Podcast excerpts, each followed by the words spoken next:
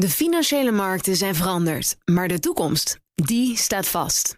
We zijn in transitie naar een klimaatneutrale economie. Dit biedt een van de grootste investeringskansen van onze generatie. Een kans voor u om mee te groeien met de pioniers van morgen. Meer weten? Ga naar carbonequity.com. Carbon Equity. Do good by investing better. VS en China. En een prestigieus lidmaatschap van de SP 500 zorgt niet altijd voor jubelstemming bij beleggers. We gaan het allemaal bespreken in het beleggerspanel met Simon van Veen, fondsmanager van het Sustainable Dividend Value Fund, en Lodewijk van der Kroft, partner bij beleggingsonderneming Comgest. Mijn zakenpartner vandaag is Connie Dorrestein, fintech-ondernemer en founding partner van Bankify. Nou, hartelijk welkom uh, allemaal. En uh, eerst uh, wil ik van jullie weten, ja, misschien ook van jou, Connie, wat is je laatste transactie geweest? Of beleg je zelf niet op de beurs? Um, op het moment eventjes niet. Want ik ben even bang om een beetje nerveus om nu in te stappen. Maar ik ga in september ga ik er zeker weer, weer in. Ja. Ah, Oké, okay. en dan, en dan de heren. Simon, wat is jouw laatste investering geweest? Ja, ik heb een uh, investering gedaan in een uh, Duits uh, bedrijfje. Dat bedrijf heet Dr. Heunle. Um, het zit zo, een paar maanden geleden kwam de Universiteit van Frankfurt naar buiten met een onderzoek waaruit blijkt dat um, UV-licht in staat is om virussen, en dus ook het coronavirus, effectief ja, te doden, zeg maar. Uh, nou, allerlei bedrijven zijn daarop ingesprongen om te kijken of ze daar wat mee kunnen. En, en een van die bedrijven is dus Dr. Heunle. Zij maken al, al heel lang UV-lampen. En wat zij nu dus sinds kort ook doen, is het verwerken van, uh, of het inbouwen eigenlijk van UV-lampen in bijvoorbeeld airconditionings en ventilatiesystemen. Uh, waardoor als nou ja, lucht binnen een gebouw gecirculeerd wordt, Um, ja, die tegelijkertijd uh, ontdaan wordt van het coronavirus. Oh. En um, afgelopen vrijdag had dit bedrijf een uh, kwartaalupdate. Um, en daarin uh, ja, gaven ze aan dat ze uh, uitstekende uh, groeimogelijkheden zien. Mede door, door, uh, ja, door deze toepassing. Dus voor hun een nieuwe toepassing. Ja. Um, en, en de eerste grote orders zijn bijvoorbeeld voor het inbouwen van UV-lampen in de ventilatiesystemen van, van autobussen en touringcars. Um, dus ja, een hele mooie ja, potentiële groei, groeibedrijf. Het klinkt wel als behoorlijk speculatief. Uh, nou, het, heeft, uh, het bedrijf zelf heeft een, een heel uh, gezonde en sterke balans. doen, het, doen het niet slecht in wat ze al deden. En dit is gewoon een, ja, een, een, een, mooie nieuwe toepassing, zeg maar. Ja, Oké. Okay. Lodewijk. Nou, zelf probeer ik niet te timen de beurs. Dus anders dan de vorige spreekster. probeer ik gewoon elke maand wel te beleggen. Want ik moet mijn eigen pensioen opbouwen. dus privé koop ik elke maand bij. Nemport waar de beurs staat en Nemport mijn visie. En dat past, uh, pakt over het algemeen, over een lange periode, vrij goed uit. Dat soort uh, dingen. Want ik zeg altijd, het is timing, not timing, waar het om gaat. Ja. Um, en aan de professionele kant hebben we eigenlijk niet zo heel veel gedaan in juli. We hebben wat uh, geld van tafel gehaald bij mm. ASML. En dat gestopt in Roche, waar we ook al een positie in hadden. En dat had te maken met het feit dat de markten wel een beetje erg hard omhoog gingen in de afgelopen periode. Waarbij ASML eigenlijk uh, ons, uh, ons trekpaard uh, mm -hmm. is geweest. En we hebben gezegd, nou, dan halen we wat geld van tafel. En dat stoppen we dan in de wat defensievere naam, in dit geval. Oké, nou, dat, uh, dan gaan we nu door naar het hoogste geopolitiek niveau. Want de ruzie tussen de Verenigde Staten en China over de video-app TikTok... die begint serieuze vormen aan te nemen. En ook uh, in het verlengde daarvan, de beursgenoteerde bedrijven zoals Tencent... heeft Trump scherp in het vizier. de Amerikaanse president wil nu ook het moederbedrijf van WeChat... de Chinese tegenhanger van WhatsApp, in de band doen... Um, wat, wat, zien jullie, Lodewijk, op, op de beurs nou gebeuren... als gevolg van, van dit nieuws? Nou, beurskoersen gingen in eerste instantie vrij hard onderuit. Niet alleen bij uh, Tencent, maar ook bij alle andere gaming- en, en Chinese bedrijven. Met name die bedrijven die een notering in Amerika hebben, uh, hadden last van dit bericht.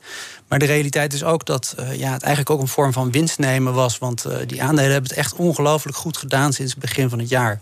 Dus je kan niet zeggen dat beleggers echt helemaal in paniek zijn geraakt door dit nieuws. Ja, Simon, dat zie jij ook zo.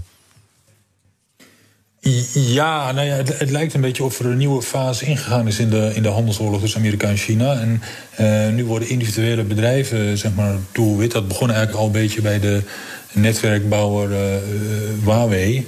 Uh, een tijdje terug. Maar ja, uh, nu dus ook uh, Tencent en, en, en ByteDance, de, de eigenaar van de TikTok-app. Mm. Um, ja, het, het, wordt, het wordt allemaal weer ja, iets meer op die bedrijven gespeeld. Um, het is een, een, nieuw verhaal, maar, maar eigenlijk ook niet. Natuurlijk, Amerika en China probeert elkaar lastig te maken. En uh, die bedrijven ja, hebben daar last van. Beleggers natuurlijk uiteindelijk ook wel. Maar uh, ja, of het nou echt de, de, de rally in de IT-aandelen helemaal zal stoppen, dat, uh, dat weet ik niet hoor. Heb ik een vraag aan jullie? Want hoe transparant is het allemaal? Want als je eerlijk bent, weet je, ByteDance, ByteDance daar zit natuurlijk ontzettend veel Amerikaans capital ook in. En die, die hadden natuurlijk al veel liever gezien dat er wat eerder wat afstand werd genomen. En dat een stuk Amerikaanse activiteit apart werd gezet. Want die blijft zich natuurlijk nu roeren. En die hopen eigenlijk dat er natuurlijk hogere bieders gaan komen. In hoeverre is het echt Chinees geld waar we het over hebben? Hè? Het is zeker niet alleen maar Chinees geld. En dat maakt het natuurlijk een, uh, ja, politiek ingewikkeld uh, verhaal, dit. Uh, ik moet eerlijk zeggen, ik vind het hele hele dossier vind ik uh, niet passend bij Amerika. Want het is eigenlijk een soort van extortion wat er plaatsvindt. Waarbij ja. Donald Trump ook nog zo ver gaat om te zeggen: geef mij een gedeelte ja. van het resultaat. Is chantage. Nou, ja. het had in, het had in Wit-Rusland, waar we net over hoorden, had het niet meer staan. En ik weet niet of we daar nou zo heel erg blij mee moeten zijn met deze gang van zaken. Um, dus wat, betreft... maar wat, wat opvalt is dat beleggers zich eigenlijk niet heel veel zorgen lijken te maken. Nou, dat komt omdat in dit geval gaat het om een niet beursgenoteerd bedrijf waar private equity in zit. Mm. Daar zal achter de schermen zal er ongetwijfeld uh, uh, op het hoogste niveau contact zijn met uh, finance department in Amerika. die mensen die kennen elkaar ook ontzettend goed. Dus ik denk dat uiteindelijk de soep niet zo heet gegeten gaat worden als dat die geserveerd wordt. Ja. Maar het is met name op de beurs natuurlijk waar beleggers zeg maar, uiting kunnen geven aan hun zorgen. En daarvan zeg ik, ja, we hebben even een stap teruggezet. Maar het is nog niet het einde van de wereld. Ja. Hey, en Simon, wie gaat deze strijd winnen, denk je? Nou, uh, Trump zal het voorlopig nog wel even volhouden om het de Chinezen lastig te maken. Uh, en uh, dat is waarschijnlijk ook onderdeel van zijn verkiezingscampagne. Om op deze manier als een sterke, sterke leider over te komen. En uh, een beetje de binnenlandse problemen uh, te, te verdoezelen op die manier. Um, dus, dus tot de verkiezingen zal daar niet zo heel veel in veranderen.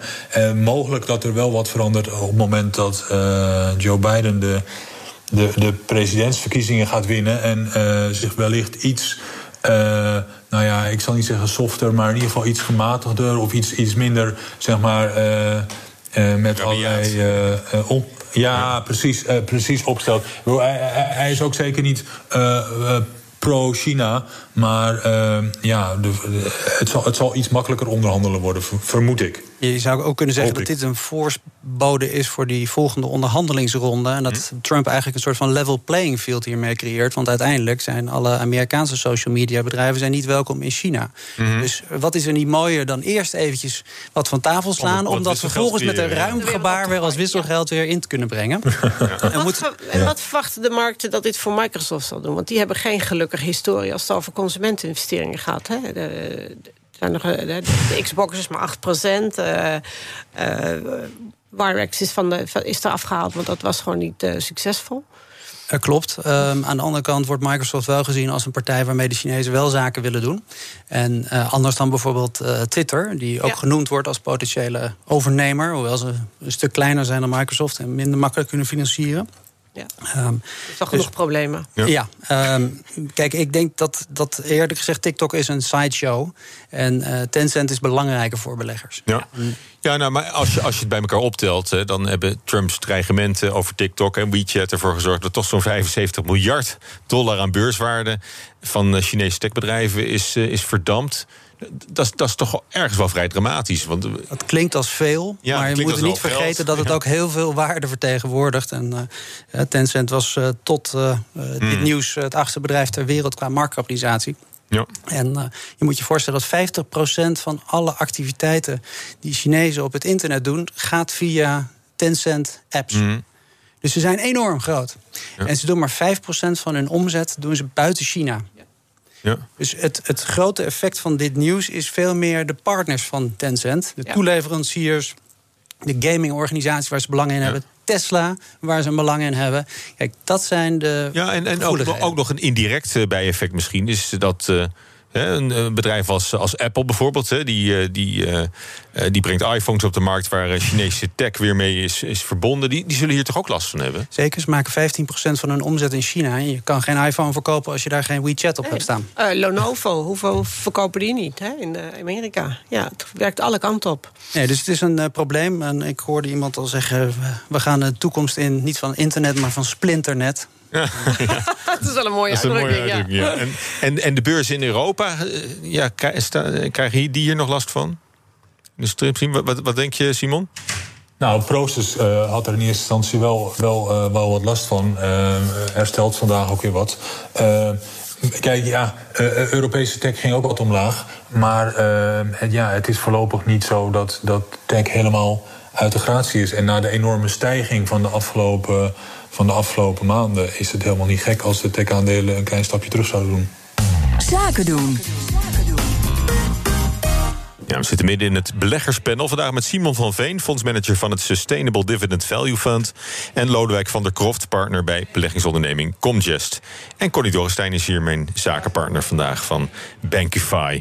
Ja, de toetreding tot de SP 500, de belangrijkste beursindex ter wereld, lijkt op korte termijn positief, maar kan op langere termijn toch verkeerd uitpakken voor aandeelhouders. Blijkt uit een Amerikaans onderzoek waar het eh, Financiële Dagblad gisteren over schreef.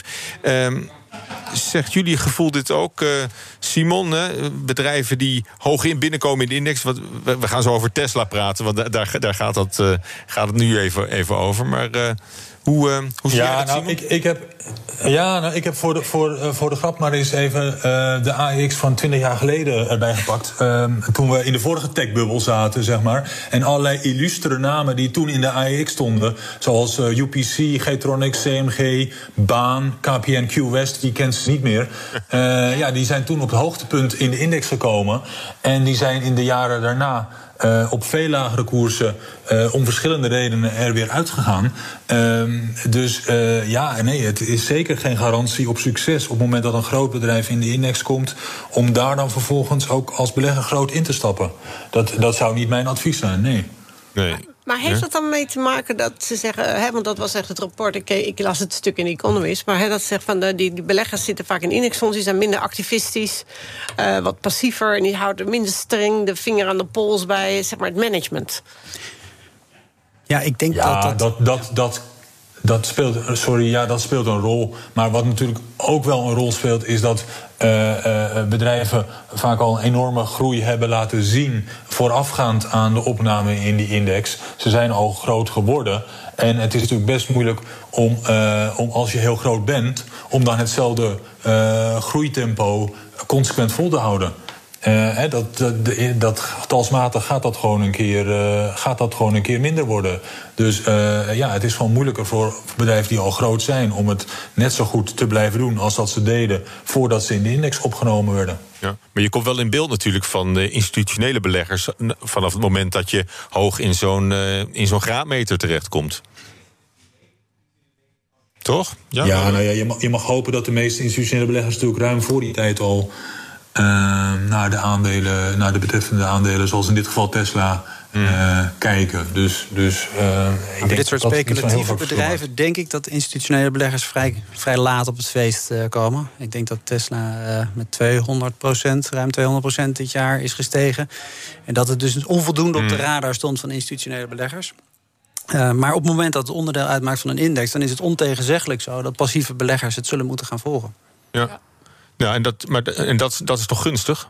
Dat is in eerste instantie gunstig. Op termijn alleen. Wat, wat in het artikel denk ik heel goed uh, uh, verwerkt stond... is dat uiteindelijk zeg maar, die, die, die markt, die passieve markt in de S&P 500... zo'n enorm groot moloch is. Dat is een soort van, van zalm die tegen de stroom in beweegt.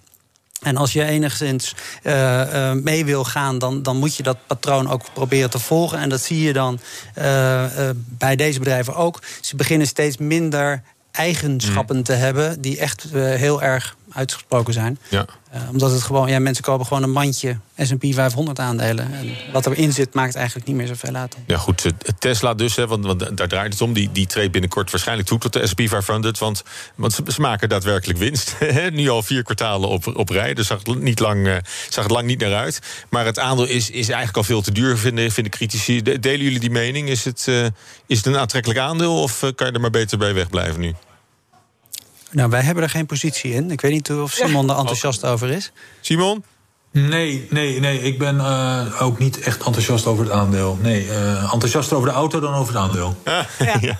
ja, want als het in de index komt, hè, een index met 500 fondsen, zou het al op plek, plek 14 binnenkomen. Wow. Dat is toch wel met stip, denk ik. dus nog niet eerder dan ja, een nieuwkomer zo hoog in de SP 500 binnenkomt. Je kunt ook zeggen dat zijn allemaal rode vlaggen. Pas op, niet aankomen. Ja. Ja, uiteindelijk misschien voor het individuele aandeel. Hè, het bezit van de zaak is het einde van het vermaak. is een mooie beurswijsheid. Op het moment dat het er helemaal in zit, dan is het spel gespeeld... en zal het niet meer zo spectaculair ontwikkelen als het heeft gedaan de afgelopen nou, jaren.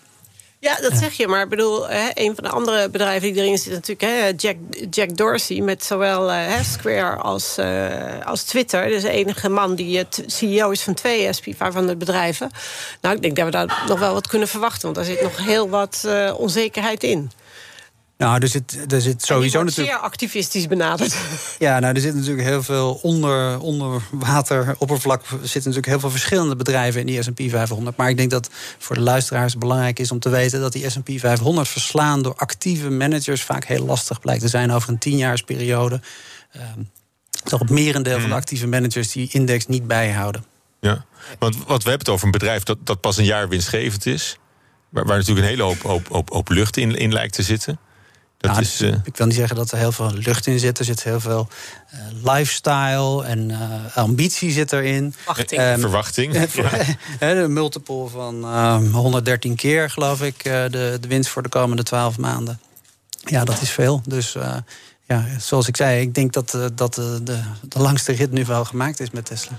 Ja, ja, het, is, uh, nou ja het, het, is wel leuk om, om te volgen. Ik denk dat dat ook in jullie vak uh, toch wel uh, de, de, de, de, interessantere dingen zijn. In ieder geval om vanaf de zijlijn te, te bekijken. in eigen land dan deze week.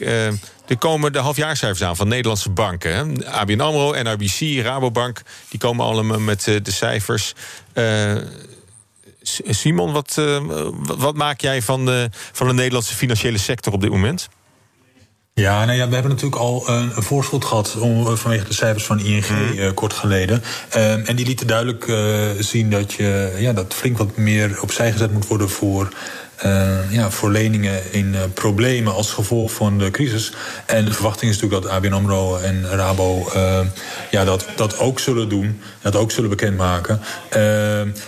feit is dat ze het gewoon best moeilijk hebben, de banken. Um, en dat komt door deze crisis. Maar dat komt natuurlijk ook omdat al heel lange tijd de rente laag is. En het businessmodel van banken werkt nu eenmaal wat moeilijker bij een rente die bijna nul is. en tenslotte is de regelgeving op alle fronten uh, een stuk strenger geworden in de afgelopen tien jaar. En dat helpt niet. Uh, dat betekent dat banken meer kosten maken. En dat betekent dat het moeilijker is om winsten te maken. En al met al betekent dat gewoon een ja, lager rendement voor, voor aandeelhouders. Ja, en, en, en dat, dat baseerde mee op de, op de cijfers die je al van ING hebt gezien. Kun je, kun je de Nederlandse banken wel zo over, over één kam scheren? Of, of moet je nog onderling... Uh, ja, ik zie Connie al knikken. Het, ja. het, is, het is één pot nat eigenlijk. Uh, nou, ik denk dat het heel onaardig is. Maar ik denk dat uh, we in Nederland lopen gewoon toch nog een beetje achter... met het uitvinden van nieuwe verdienmodellen. Mm. Uh, vooral in de bankaire dienstverlening. En uh, daar kijken we nog steeds naar die rentestand en naar de veel te hoge kosten. Uh, we moeten gewoon versteld, inderdaad, moeten mm. gewoon strakker gedigitaliseerd worden. En naar andere modellen kijken, waarbij je gewoon toch een beetje verder dan alleen in bankaire zoomt. En dan kun je wel een nette fee vragen. Hè. De vorige mm. spreker, prachtig verhalen wordt gebruik van data op een relevante manier. Dan ga je naar fee-earning revenue. Hè. Ja. Dan krijg je kosten, kun je, kun je vragen aan mensen: betaal me voor hele relevante diensten. Maar dat zit er nu nog niet echt in. En ik denk dat er te veel gespeeld wordt met, met uh, fintechs en happy appies. En te ja. weinig echt grondig wordt uh, gedaan ja. op, de, op, de, op, op, de basis. Ja, heb je, heb je structureel waarschijnlijk wel, wel gelijk. En voor de lange ja. termijn. Maar op korte termijn heeft, hebben, hebben banken natuurlijk te maken met, uh, met de coronacrisis. Ja, absoluut. En als, je, als je veel klanten hebt in, in de horeca of in de reisbranche... dan Ja, Heel sneu. Dan hang je dit kwartaal natuurlijk. Ja. Nou ja, banken zijn enorm cyclische bedrijven. Hè? En dat zien we natuurlijk nu in deze fase eh, van de strijd... zien we dat wederom. En zoals er net door Simon al ingegeven... En ze moeten met twee handen op hun rug uh, spelen. En Koning geeft er recht aan van, hè, dat er eigenlijk te weinig uh, innovatie plaatsvindt in de ja. initiële sector in Nederland. En dat betekent dus dat de nadruk ligt op de hoge kosten. Ja. En de bankenbelasting die in 2012 is geïntroduceerd, zit er ook nog steeds op. Dus dat helpt allemaal niet. Ja. Maar banken zijn natuurlijk een mooie graadmeter voor hoe het economisch eraan toe gaat. Nou, het zegt in ieder geval iets over wat er in de, nou, de winkelstraat waarschijnlijk gebeurt. Maar het zegt bijvoorbeeld niks over wat op de beurs gebeurt. En vandaar dat er zo'n grote discrepantie is tussen uh, datgene wat we op de beurs zien en in de economie. Ja. Hoe, hoe enthousiast zijn jullie over, uh, over banken als, als, als belegging? Hè? ABN AMRO, ING, die zijn met Wirecard de boot ingegaan. Er zijn compliance-problemen, reputatieschade. Hè? ING-topman Ralf Hamers met die beloningsruil is alweer wat langer geleden intussen. Maar het witwassen, ja, we, we, halen graag oude koeien uit, uit de sloot.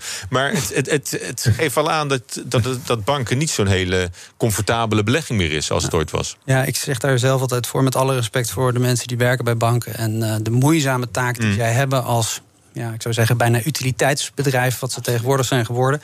Uh, ehm, ABN AMRO jaarverslag, 295 pagina's. De grootste risico's stonden er natuurlijk niet in. Want uh, Wirecard en die, die trader in Singapore... die werden niet uh, specifiek benoemd. Ja. Um, jaarverslag ING, 449 pagina's. Wij hebben moeite als belegger om zeg maar, door de bomen, in dit geval het bos, eh, te zien. En dat is de reden waarom wij daarvan afblijven. We zitten wel in fintech-bedrijven, dus in de Temeноssen van deze wereld... die automatisering aanbieden, maar niet in westerse banken. Oké. En uh, Simon?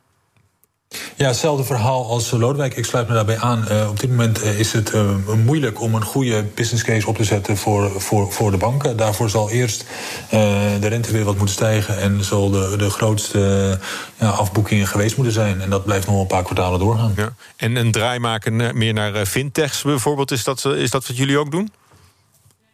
Ehm, ja, dat, dat, dat zou kunnen. Dat zou kunnen. Ja, absoluut. Is het interessanter op dit moment dan de banken zelf. Oké, nou we, we, hebben ook banken horen zeggen van uh, de vorige keer waren we de, de, de, oorzaak, nu willen we deel zijn van, van de oplossing uh, van de crisis. Uh, is dat ook wat je, wat je, wat je nu nou, ziet? Ja, dat is, dat, is, dat is op zich heel, dat is heel sympathiek. En banken hebben natuurlijk ook wel direct de, de, zeg maar, de rentebetaling en aflossingen tijdelijk tijdelijk stopgezet voor, voor bedrijven in problemen. Dus dat is op zich wel mooi. Maar het is ook niet zo dat als een bedrijf in problemen komt, dat het op korte termijn en snel een, uh, een, een, nieuwe lening van, uh, van de banken kan krijgen. Dat is nog steeds hartstikke moeilijk.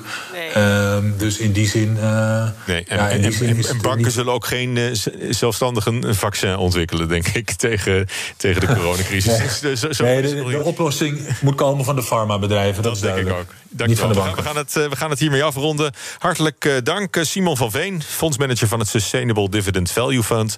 Lodewijk van der Kroft, partner bij beleggingsonderneming Comgest. En zakenpartner vandaag Connie Dorrestein, fintech-ondernemer en founding partner van Bankify. Dankjewel dat je er, er was eh, vandaag. Tot zover BNR Zaken doen voor vandaag. Morgen is Michiel Witteveen te gast, die de coronacrisis aangrijpt om huurverlaging voor zijn blokkerwinkels te regelen. Hoe dat afgaat en meer bespreken we morgen. Deze uitzending is terug te luisteren via de BNR-app en bnr.nl.